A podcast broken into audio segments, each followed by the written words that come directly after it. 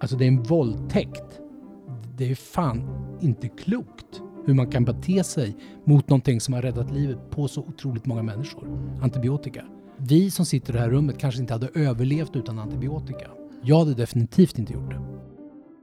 Vad händer när antibiotikaresistensen gör att vi inte längre kan behandla vanliga sjukdomar? Kan världen drabbas av en ny pandemi? Och hur hänger det här problemen ihop med skinkan på din macka? Det vet Björn Olsen som forskar om antibiotika och infektionssjukdomar på Akademiska sjukhuset i Uppsala. Och han säger att vår brist på eftertänksamhet kring köttindustrin och antibiotikaanvändandet redan skapar stora problem.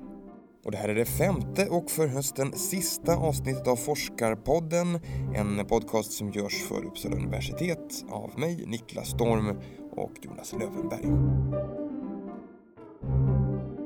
Jag heter Björn Olsen. Jag är professor och överläkare i infektionssjukdomar, Uppsala universitet och Akademiska sjukhuset. Men jag är också eh, fågelskådare.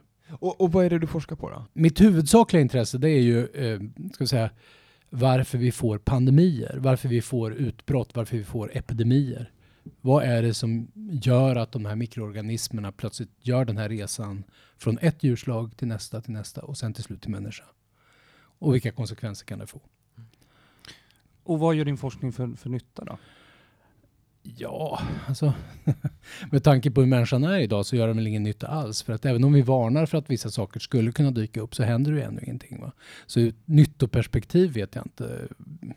Alltså just med tanke på vem, vem som är mottagaren av de budskap vi sänder ut så är det inte säkert att de efterföljs på något sätt. Va?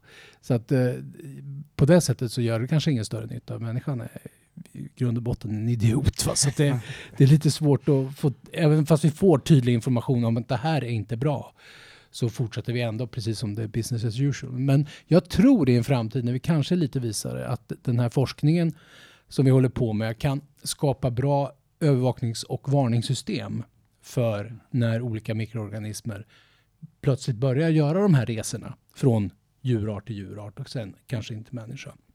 Och um, då kan vi vidta rätt åtgärder för att liksom stoppa Olle i grind. Då, va? För att det är otroligt mycket billigare att övervaka, att stoppa saker vid källan, att släcka en liten brand än att försöka släcka en skogsbrand sen.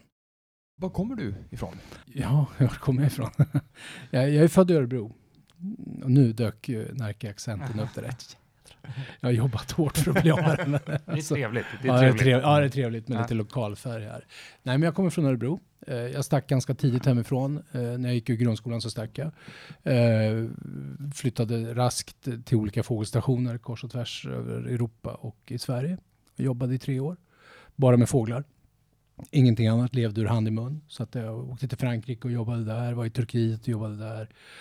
Eh, olika svenska fågelstationer. Eh, sen ett tu tre så kom jag på, jag hade så jävla dåliga betyg också, jag kom inte in någonstans. Va? Jag kan ju säga att jag stod inte i hörnen och sniffade tinner, det var inte därför jag fick så sunkiga betyg. Vad jag gjorde det var att jag skådade fågel. Då. Jag tittade så mycket på fåglar så att jag blev liksom en, eh, en sanitär olägenhet egentligen. Alltså jag var, ja. Men det var grundskolan det. Sen så eh, någonstans i den här treårsprocessen då när jag fick leva mitt Sturm und Drang-liv ute med fåglarna så kom jag på att jag kanske skulle bli zoolog eller ekolog. För det var det jag hade, alltid hade drömt om, att bli zoolog. Att få forska om djur. Hålla på med djur. Um, jag förstod djuren tror jag bättre än människorna faktiskt. Men uh, då läste jag in eh, gymnasiet på Vux och då fick jag för bra betyg. Så då sa de att du kan bli vad du vill.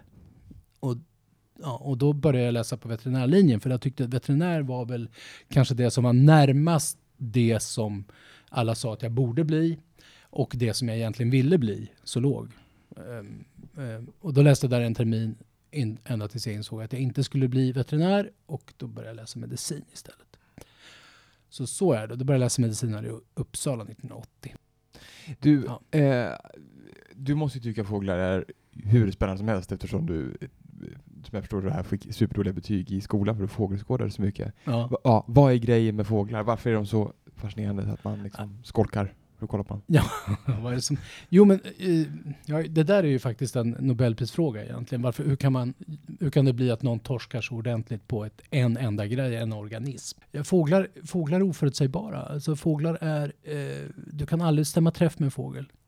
Och sen är det så att fåglar, eh, någon har sagt så här att fåglar krossar inget som de står på. Alltså det är lätt och flyktigt. Och sen är fåglar en utmaning. Det är en gigantisk utmaning att lära sig fåglar. Jag menar, fåglar, det är ju jättemånga arter för det första. De direktsläktingar till dinosaurierna, bara en sån sak. Det är helt fantastiskt. Och sen den här flykten. Att det hela tiden rör sig. Alltså. Det är dynamiskt. Och fågelskådare, det är ju ingenting man går ut och bara, man går inte ut och sätter knäpper på knappen fågelskådare. Nu ska jag gå ut och titta på fåglar. Det är någonting som jag gör hela tiden. När jag går upp på morgonen, när jag går ut utanför min dörr så skannar jag automatiskt av himlen. Mm. Både med öron och ögon. Det, det, sker helt automatiskt. Så det är liksom en så pass integrerad del i mitt liv. Så jag tänker liksom i termer av det där. Mm. Så ja, nej, det, det, är väl, det är väl lite grann av kärnan varför det är så fascinerande. Ja. Men eh, mm. intresset för eh, fåglar är tydligt här. Mm. Men, ja, men eh, eh, intresset för infektioner då? Varför blev det just infektioner du, som blev ditt område? Jag var nästan färdig distriktsläkare innan jag eh, insåg att mitt liv skulle bara vara evig mottagning. Jag ska inte stå ut. Eh, och då lyckades faktiskt en kompis till mig, en, en äldre kollega som jag hade haft på just infektion. Han lyckades trycka på rätt knapp och han frågade varför tittar du inte på det här med fästingar, fåglar och borrelia? Och från det mötet, alltså det, det visar ofta vad enskilda möten, vilken enorm betydelse enskilda möten kan ha. Va? Speciellt med en person man respekterar.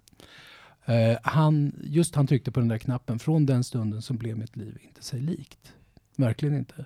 Utan då såg jag plötsligt kopplingen. Den koppling jag letat efter hela mitt medicinska liv fram tills dess. Då. Eh, så att då kunde jag plötsligt se hur jag skulle lägga upp det där. Fåglarna hade jag ju. Jag hade ringmärkningslicens, jag kunde ringmärka, jag kunde fånga fåglar, jag kunde ta fästingarna från dem. Jag kunde också analysera de här fästingarna för att se vilka mikroorganismer finns i fästingarna. Och framförallt då var jag intresserad av borrelia. Och ett tu tre så grävde vi guld helt enkelt. För det var ingen som hade tänkt tanken. Faktiskt. Det, det var så, så var det.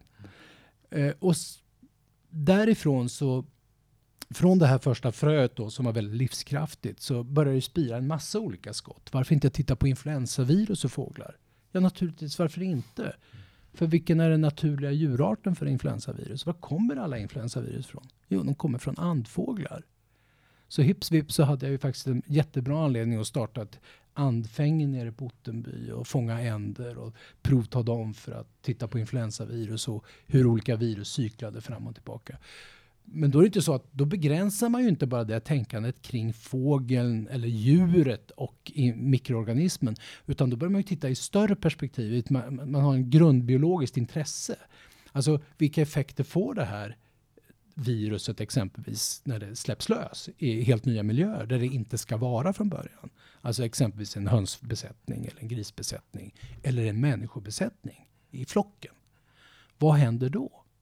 Så de, det, det här intresset bär ju vidare om man är vettig. Va? Mm. Och, och, så plötsligt så, så, finns det en mängd olika pandanger man kan ta. Man kan, olika riktningar man kan ta. Ibland måste man byta riktning helt. Så därför har jag intresserat mig väldigt mycket för det här med populationer. Stora populationer av djur, av människor mm. också. Är, och vilka effekter de här viruserna eller bakterierna får på just de här populationerna. Och då handlar det också om våra egna beteenden hur beter vi oss själva när vi hamnar liksom i krissituationer? Exempelvis, vi får en ny pandemi. Hur kommer vi att bete oss? Det kanske är en av de absolut viktigaste faktorerna för hur bra eller dåligt det går efter en pandemi. Faktiskt. Um, och, och du, hur forskar man på det här då? För jag antar att du inte bara forskar på pandemier när de bryter ut, utan att Nej, det, verkligen inte. Nej, det, är inför? Nej, utan eh, det, handlar ju om att försöka vara före sin tid där. Alltså att eh, titta på dem, eh, leta efter de olika mikroorganismer som skulle kunna ställa till problem för oss. Influensavirus vet vi, den kommer vara, så länge människan finns så kommer den vara notorisk. Den kommer återkomma med jämna mellanrum hela tiden. Alltså, så vi, har haft, vi hade ju svininfluensan senast, men jag menar, vi kommer få nya pandemier. Det är inte frågan om vi får nya pandemier, utan det är frågan om när vi får nya influensapandemier. För det här har vi historiskt också, jag tänker eh, typ Ja. spanska sjukan är en influensa Mm. och, och Ja. liksom Hongkong, asiaten och ryska snuvan. Och alla de här, framförallt spanskan är ju en av de värsta vi har haft. Alltså det är hundra år sedan nästa år som vi fick spanska sjukan. Och den slog alltså ihjäl nästan 50 miljoner människor. Eller kanske över 50 miljoner människor. extremt mycket. Ja, extremt mycket. Och vi, och vi kan idag nästan ingenting om spanskan. Alltså Nej. gemene man har väldigt diffusa tankar kring spanska Mm. sjukan. Säger du pesten så kan ju folk begripa, för då kan de ju koppla tillbaka till 1300-talet. Va? Ja. Och den stora digerdöden. Utan att de ens vet att pesten fortfarande cirkulerar i världen. Det, den finns idag också. Hur stor är då risken att vi drabbas av en riktigt stor pandemi som också får, får långtgående konsekvenser, alltså med, med, med många döda och Ja, Den är, sjukan, jag, jag liksom. skulle säga så här att risken att vi ska drabbas av en ny pandemi är hundraprocentig. Det är den. Det är inte, det är inte frågan om om, utan frågan om när vi får dem. Det kommer att ske. Mm. Och det beror ju bland annat på att eh, vi, vi lever i sådana gigantiska monokulturer idag, alltså som flockar. Vi är flockar med människor, vi, vi är en massa miljarder människor på jorden idag. Ehm, vi är tillsammans med alla dessa människor, 7 miljarder människor plus alltså, så är det 75 till 100 miljarder kycklingar som finns. Var finns de? Finns de långt ute bort i stan? Nej, de finns nära oss. De fin- 100 miljarder kycklingar. Ja, som roterar hela tiden. Någonstans mellan 75 och 100 miljarder kycklingar. Och det är allting beror egentligen på att vi har en, en extrem fäbless för animaliskt protein. Vi vill käka, vi vill käka kyckling. Och det började vi med efter andra världskriget. Det var ett tecken på framgång och att vi var ganska, eh, ska vi säga, att vi var framgångsrika. Och sen har det här spritt sig som en, liksom, ja, det är en enorm marknad. Sen finns det eh, ett antal miljarder grisar, det finns ett antal andra miljarder djur som vi har samlat nära inpå oss. Det innebär att vi lever i monokulturer idag. Monokulturer som står liksom parallella med varandra på något sätt. Och de här buffrande systemen som man hade tidigare, om vi exempelvis går tillbaka till pestens tid, om vi pratar 1300-talet, då fanns det andra system. Då, då såg de systemen annorlunda ut. Vi var betydligt färre, vi levde inte lika många tillsammans vi, vi skilde, eh, staden var staden på något sätt. Det fanns även djur inne i staden, men framförallt så fanns det också väldigt mycket land runt omkring. Om man tittar uppifrån idag på jorden och tittar på en sån nattbild över jorden och då ser vi att hela Europa är bara, det är bara en ljus blob. Va? Hela Ostasien är en ljusblob. Hela östra USA är bara en ljusblob. Stora delar av Sydamerika är ljusblobbar. Söder om Sahara är lite mindre ljus, men det tänds nya ljus där ständigt. Där finns människorna. Där finns människorna. Var finns då djuren? Alla de här djuren. De finns faktiskt i samma område. Så vi har alltså en, ganska enkla men lite mer fragila, sköra ekosystem som lever tätt, tätt, tätt tillsammans. Ponera att du får in en mikroorganism i ett av de här ekosystemen. En mikroorganism som faktiskt inte bryr sig om om det är en kyckling eller en gris eller en människa som det infekterar. Det kan vara, start, det kan vara själva flampunkten för en ny pandemi. Så att svaret på frågan om vi kommer få nya pandemier, ja, klart vi kommer få nya pandemier. Och de vi kan önska oss att vi får är trots allt influensaviruspandemier. För de vet vi ungefär hur vi ska hantera. Och vi vet att de allra flesta blir friska efter influensapandemier. Sen undrar, vi har ju pratat om att, att det sprids i populationer och sådär. Mm. Men hur sprids det från dig till mig? Ja, just det. Det finns ju olika, det finns olika svar på det. Eh, Jag menar, om vi tar ehm, HIV-viruset exempelvis. Ja. Och vi kan även ta ebola. Va? Det, jag menar, de, de är ju inte ens släkt med varandra. Men det var ju kroppsvätskor som spred. Okej. Ja. Eh, Ebola-viruset var ju framförallt kroppsvätskor, droppar. När det gäller eh, HIV så var det ju då sexuellt överförbart eller nålar eller vad det nu kunde vara. Mor, mor till barnsmitta. En ganska långsam smitta. Det är samma sak med ebola-viruset. Det blev, mer, det blev mer som en eruption när det väl dök upp på fel ställe i Västafrika. Där det inte alls hör hemma. Utan det hör hemma i, syd, i Centralafrika. eh, Det här viruset. Och det har aldrig orsakat några utbrott egentligen. Eh, ja, utbrott har ju blivit små epidemier, men de har varit ofta lokaliserade till en plats och då har man stängt in. Så att säga. Så då har viruset själv dött. Va? Men när viruset då, ebolaviruset då hamnade i Västafrika utan i de här slumområdena så hade det bara fri framfart tillsammans med alla kulturyttringar. Att man ska inte begrava kroppen direkt och inga massbegravningar och allting sånt där. Och folk flydde. Eh, så det är klart att det blev, ju, det blev ju epidemiskt men det kunde inte bli pandemiskt. Det kan inte gå jorden runt. Men där har, där har det mycket långsammare smittspridning. Men när det gäller influensavirus och sars-liknande virus exempelvis så är det luftvägsvirus. Och um, om vi då hostar exempelvis, eh, men vi kan ju göra mycket. Vi kan ju, vi kan ju, eh, när det, vi kan ju åtminstone stoppa de här andra virusen som, som sprids med kroppsvätskor genom att vidta ganska enkla åtgärder. Men vi kan ju inte sluta andas. Nej. Och det är ett problem. Och sen är vi, vi är apor som tycker om varandra också. Vi gillar ju att vara med varandra samtidigt som vi gillar att slå ihjäl varandra. Men det är en konstig... Ja. liksom, men samtidigt så, men vi gillar verkligen att vara tillsammans. Vi, vi är extremt urbaniserade idag. Mer än hälften av jordens befolkning lever i urbana miljöer idag. Så jag menar, det är bara att låta det tankefröet mm. mogna lite grann så förstår man vilken fantastisk marknad för ett virus som är luftburet i sådana miljöer.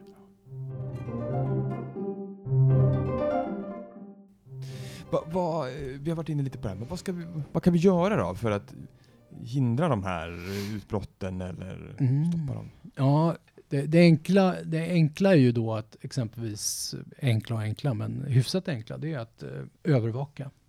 Alltså att ha övervakningssystem på olika ställen på jorden.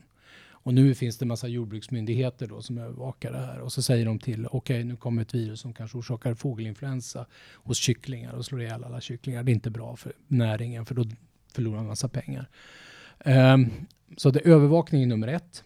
Alltså att titta på vilka virus är det ute i naturen som börjar bete sig konstigt.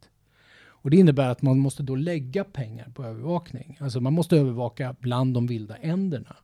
Man kan ju inte hålla, hålla på uppe bland kycklingarna och övervaka, eller bland grisarna och övervaka, för då har det liksom redan hänt.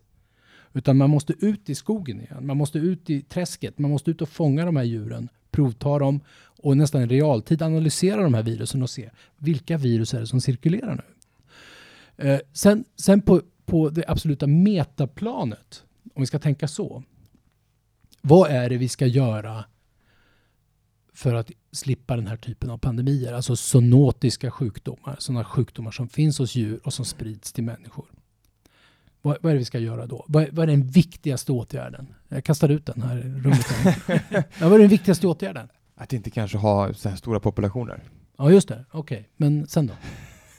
Det är lätt att säga, ja. men du vill ju fortfarande äta kött, eller hur? Ja, jag äter inte kött. Nej, du äter inte Nej, nej, nej. jag duckar den kulan, ja. Precis. Om vi alla var vegetarianer, ja. Om vi säger så här att vi gjorde om hela våran kostcirkel och våran lilla tallrik, mm. lunchtallrik. Och så sa vi att den får bara innehålla 5% kött. Hur skulle världen se ut då? Jag misstänker att du menar att den skulle vara bättre då? Avgjort bättre. vi skulle definitivt inte ha problem med... Vi skulle inte ha så stora problem just när det gäller pandemier. Eh, om alla var vegetarianer, eh, jag menar det skulle vara spenatviruset som slog till. Va? Någonting sånt. Men, men alltså, eller något sånt. Ja. Naturligtvis kommer det hända saker då och då. Vi behöver animaliskt protein, det tror jag. Jag tror det. Jag är övertygad om det. Jag är inte själv vegetarian. Men jag äter ingenting som är uppfött mellan fyra väggar. Nej, det ska vara helt frigående alltså? Ja, frigående eller någonting som man kan slå ihjäl själv. Mm, ja. Men alltså på något sätt, alltså det får inte vara uppfött mellan fyra väggar. För bara det är en anomali. Ja. För det innebär, så fort du låser in djur tillsammans, tätt tillsammans, så kommer saker och ting att hända. Mm. Och det, det som händer är infektioner. Och de infektioner kan man göra då? då? Jo, antingen slår man ihjäl dem eller så försöker man stoppa in olika typer av preparat för att få dem att överleva till slakt. Ja. Och det är också en anomali. Om vi tittar på, förutom pandemier som vi har pratat om, så är antibiotikaresistens det absolut största hotet vi har mot den sjukvård som vi tar för given idag. Absolut. Den absolut största. Och om vi alla vore vegetarianer så skulle antibiotikaresistensproblematiken i princip suddas ut. Så pass alltså? Ja. Mm. Det är klart att vi inom, bland människor måste, som människor måste jag också vidta mått och steg för att inte överanvända antibiotika. För det är ju liksom det största medicinska mirakel som överhuvudtaget har hänt. Mm. Uh, men det förstör vi rask takt alltså. Vi köper billig kyckling från Thailand eller från Bulgarien eller från, eh, från Brasilien. Vi vet att de är fullrappade, eller inte, köttet är inte fullrappat med antibiotika, men de är upp, uppfödda med antibiotika för att växa så fort som möjligt. Alltså det är en våldtäkt. Det är fan inte klokt hur man kan bete sig mot någonting som har räddat livet mot, på så otroligt många människor. Antibiotika. Eh, och här är, då är vi plötsligt inne på en helt ny problematik, alltså det här med antibiotikaresistens. Vi måste se antibiotikaresistens som dels ett miljöproblem, för det är ett miljöproblem. Sen är det ett problem när det gäller liksom, vad ska vi äta? Och vad har vi rätt att äta? För att skapa en, ska vi säga, är det bara, ska vi bara tänka på oss själva eller ska vi tänka på våra barn och våra barnbarn? Alltså vi som sitter i det här rummet kanske inte hade överlevt utan antibiotika. Jag hade definitivt inte gjort det. Så jag menar, det, det är det största medicinska miraklet och det begås en stadig våldtäkt på det här. Alltså jag, tyck, jag blir så jävla upprörd när jag tänker på det här. För att det, det är så här att två, mer, alltså nio tiondelar av allt antibiotika vi använder i princip, ja, någonstans där, nio, åtta tiondelar kanske, används inom husdjursnäring. Alltså inom att föda upp animaliskt protein. Oavsett om det är räkor, hajmalar i Sydostasien, mm. kycklingar, grisar, kossor i USA, vad det än är. Eh, och det är samma typ av antibiotika som vi använder på intensivvårdskliniken, på infektionskliniken, på sjukhusen och även ute i öppenvården. Så den resistens vi orsakar, skapar i de här miljöerna, den sprider sig sen som ringar på vattnet ut över hela globalt alltså. V vad är en resistens då? Antibiotikaresistens, ja. det är att en bakterie då eh, förvärvar eller lär sig hur den ska kunna bryta ner eller undgå antibiotikat. Och det handlar om ren evolution. Det finns ju ingen som tänker, alltså medicinen idag det, det, finns liksom ingen sans och vett i medicinen idag om vi inte tänker ur evolutionära termer. Vi måste ha ett evolutionstänkande när det gäller medicinen idag. Alltså, vad händer om jag då petar på det här antibiotikat, trycker de här bakterierna med det här antibiotikat. Vad har bakterierna som har funnits miljarder år längre än oss lärt sig under den här fantastiska resan de har gjort? Jo, de har lärt sig att undvika det. Antingen så bryter de ner det, tar in det, spottar ut det eller helt enkelt gör så att antibiotikat inte kommer in. Men mängder med olika evolutionära strategier för att undvika det. ren och skär darwinism. Så vi måste ha in ett darwinistiskt tänkande i hur vi, hur vi lever våra liv. Men, du, alltså, då de här stora besättningarna då, ja. med kossor och, och mm. grisar och höns och sånt där. Var, varför, eh, varför, varför måste vi ge dem, eller varför, måste, varför, varför ges de antibiotika då? Jo, det är precis samma skäl om, alltså, men djur eller människor, djur och människor, djur och människor, det är samma sak. Människan är ett djur som alla andra. Eh, när vi kommer tätt, tätt tillsammans så sker skador, vi, vi blir stressade, eh, vi lever nära varandra. Det räcker med att en individ i en flock har någonting så sprids det här ganska snabbt. Alltså. Det är precis det vi pratade om tidigare när det gäller immunitet och sådana saker. Så bakterier kan spridas blixtsnabbt i, i en besättning. I avföringen finns det massor med bakterier. Det finns fler bakterier i avföringen än vi har egna, egna celler i kroppen. Va? Så det, det, är liksom massor, det, det händer väldigt mycket. Men alltså att, att det ens är tillåtet att så här konstant mata de här djuren med antibiotika? Ja, det är ju inte, I Sverige är det inte tillåtet att göra det. Och i Europa är det inte heller egentligen. Fast man kan ju komma runt det, på vissa delar i Europa så kommer man ju runt det genom att kalla det behandling. Va? Man kallar det behandling. Så det är fortfarande, eh, man får fortfarande behandla, men inte i Sverige. Där är det väldigt, väldigt strikt. Och Sverige har ju varit framgångsrikt där. Va? Väldigt framgångsrikt. Men vi, vi, glöm Sverige ett tag. Vi måste se det globalt. De här hajmalarna som man köper som Pangasius kostar liksom 25 spänn på någon affär, eh, supermarket här uppe någonstans. Va? De här hajmalarna är uppfödda i dammar när de var små yngel så kunde de vifta och röra på sig. När de är vuxna och färdiga närmare slaktvikten, då står de liksom sida vid sida, rygg vid rygg. Tätt, alltså, tätt packade alltså? Tätt, tätt packade mm. och sen är de färdiga för slakt. Under tiden har man hällt i 25 olika typer av antibiotika i en ständig stridström mm. för att hålla dem vid liv fram till slakt. Ja, det är klart, för att de blir, alltså det vattnet de lever i måste vara otroligt förorenat. Du vet, även om du flushar igenom flodvatten så åker ju det här vattnet ut hela, alltså du åker ju hela tiden, det cirkulerar ju. Men allt den, all den antibiotika som vi häller i de här, eh, i de här dammarna, det åker ut i flodvatten nedströms. Ja, och drabbar då befolkningen som bor nedströms. Va? De får vatten som är skitigt, de får vatten med antibiotika i, de får antibio och i vattnet finns det bakterier. Bakterierna utsätts för antibiotika. Återigen de evolutionära reglerna. De blir resistenta. Pang, du dricker vattnet, får en infektion, du får en resistent bakterie, går inte att bota. Mm. Adjöss. Hur illa kan det bli då, om vi inte får ordning på det här? Ja, alltså Ska vi skippa, om vi tänker bort pandemierna en stund, för de kommer och går som de vill. Ja, men alltså, om vi pratar, nu menar jag mer, hur illa kan det bli om vi inte får ordning på hur vi använder antibiotika? är väl min fråga. Ja, just tänkt så. Eh, det kan bli så illa att det som den sjukvård som vi verkligen tar för given, att vi ska kunna få en bra cancerbehandling, att vi ska kunna byta höft, att vi ska kunna göra stora operationer, att vi ska kunna bli immunnedtryckta, inte kommer att fungera i framtiden. Och inte bara i framtiden. Att barn dör eh, på grund av infektioner som de får på spädbarnsavdelningar eller neonatalavdelningar. Sånt händer hela tiden. I stora delar av, av eh, alltså, i stora, del, på, i stora delar av jorden så är det så redan nu. Får du en infektion så är du körd. Det är det man dör av. Alltså i, i vissa grupper. Va? Så att antibiotika, alltså en, en sjukvård utan antibiotika kommer inte att fungera. Och hur långt bort är det här? Alltså, vissa delar av jorden så är det redan här.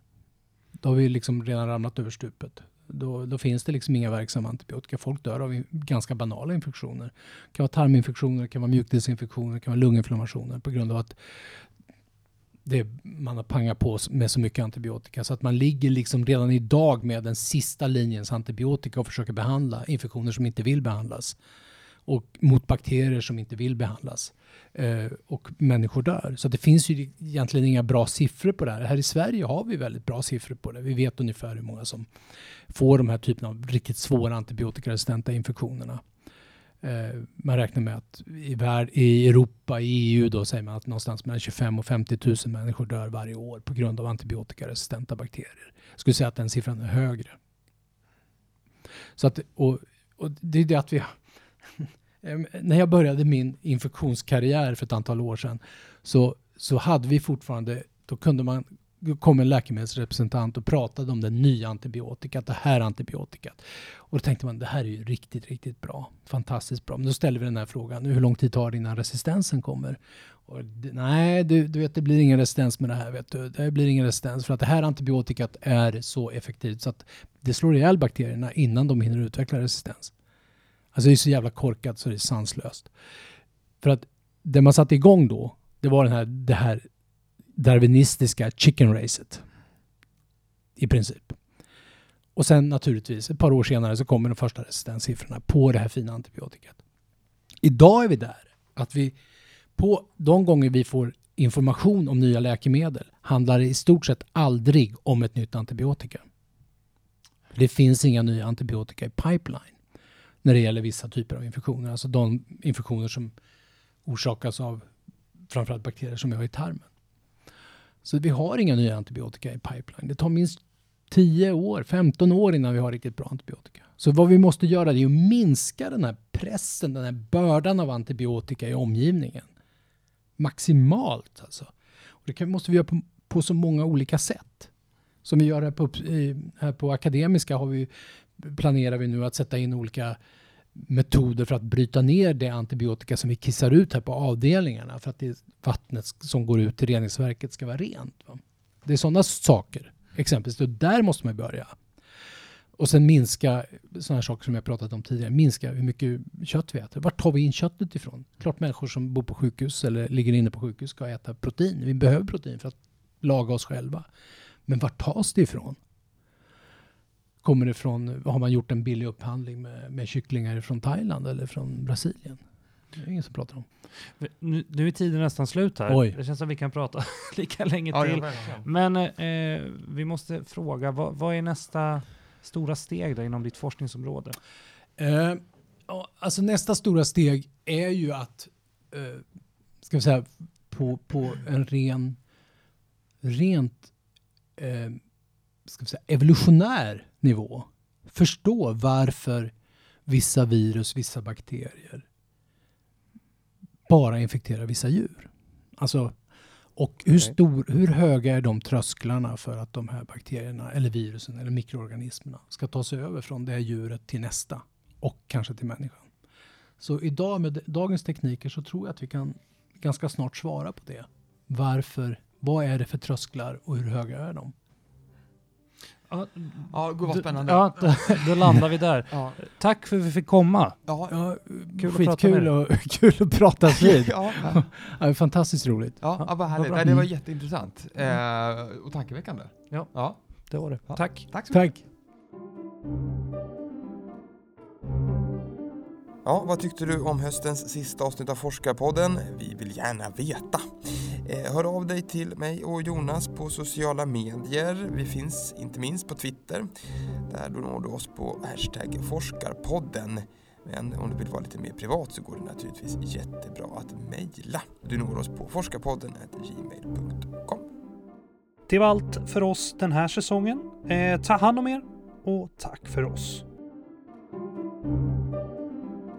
Du har hört Forskarpodden, en produktion av Piggelkott Media för Uppsala universitet med musik av Marcus Sjöblom.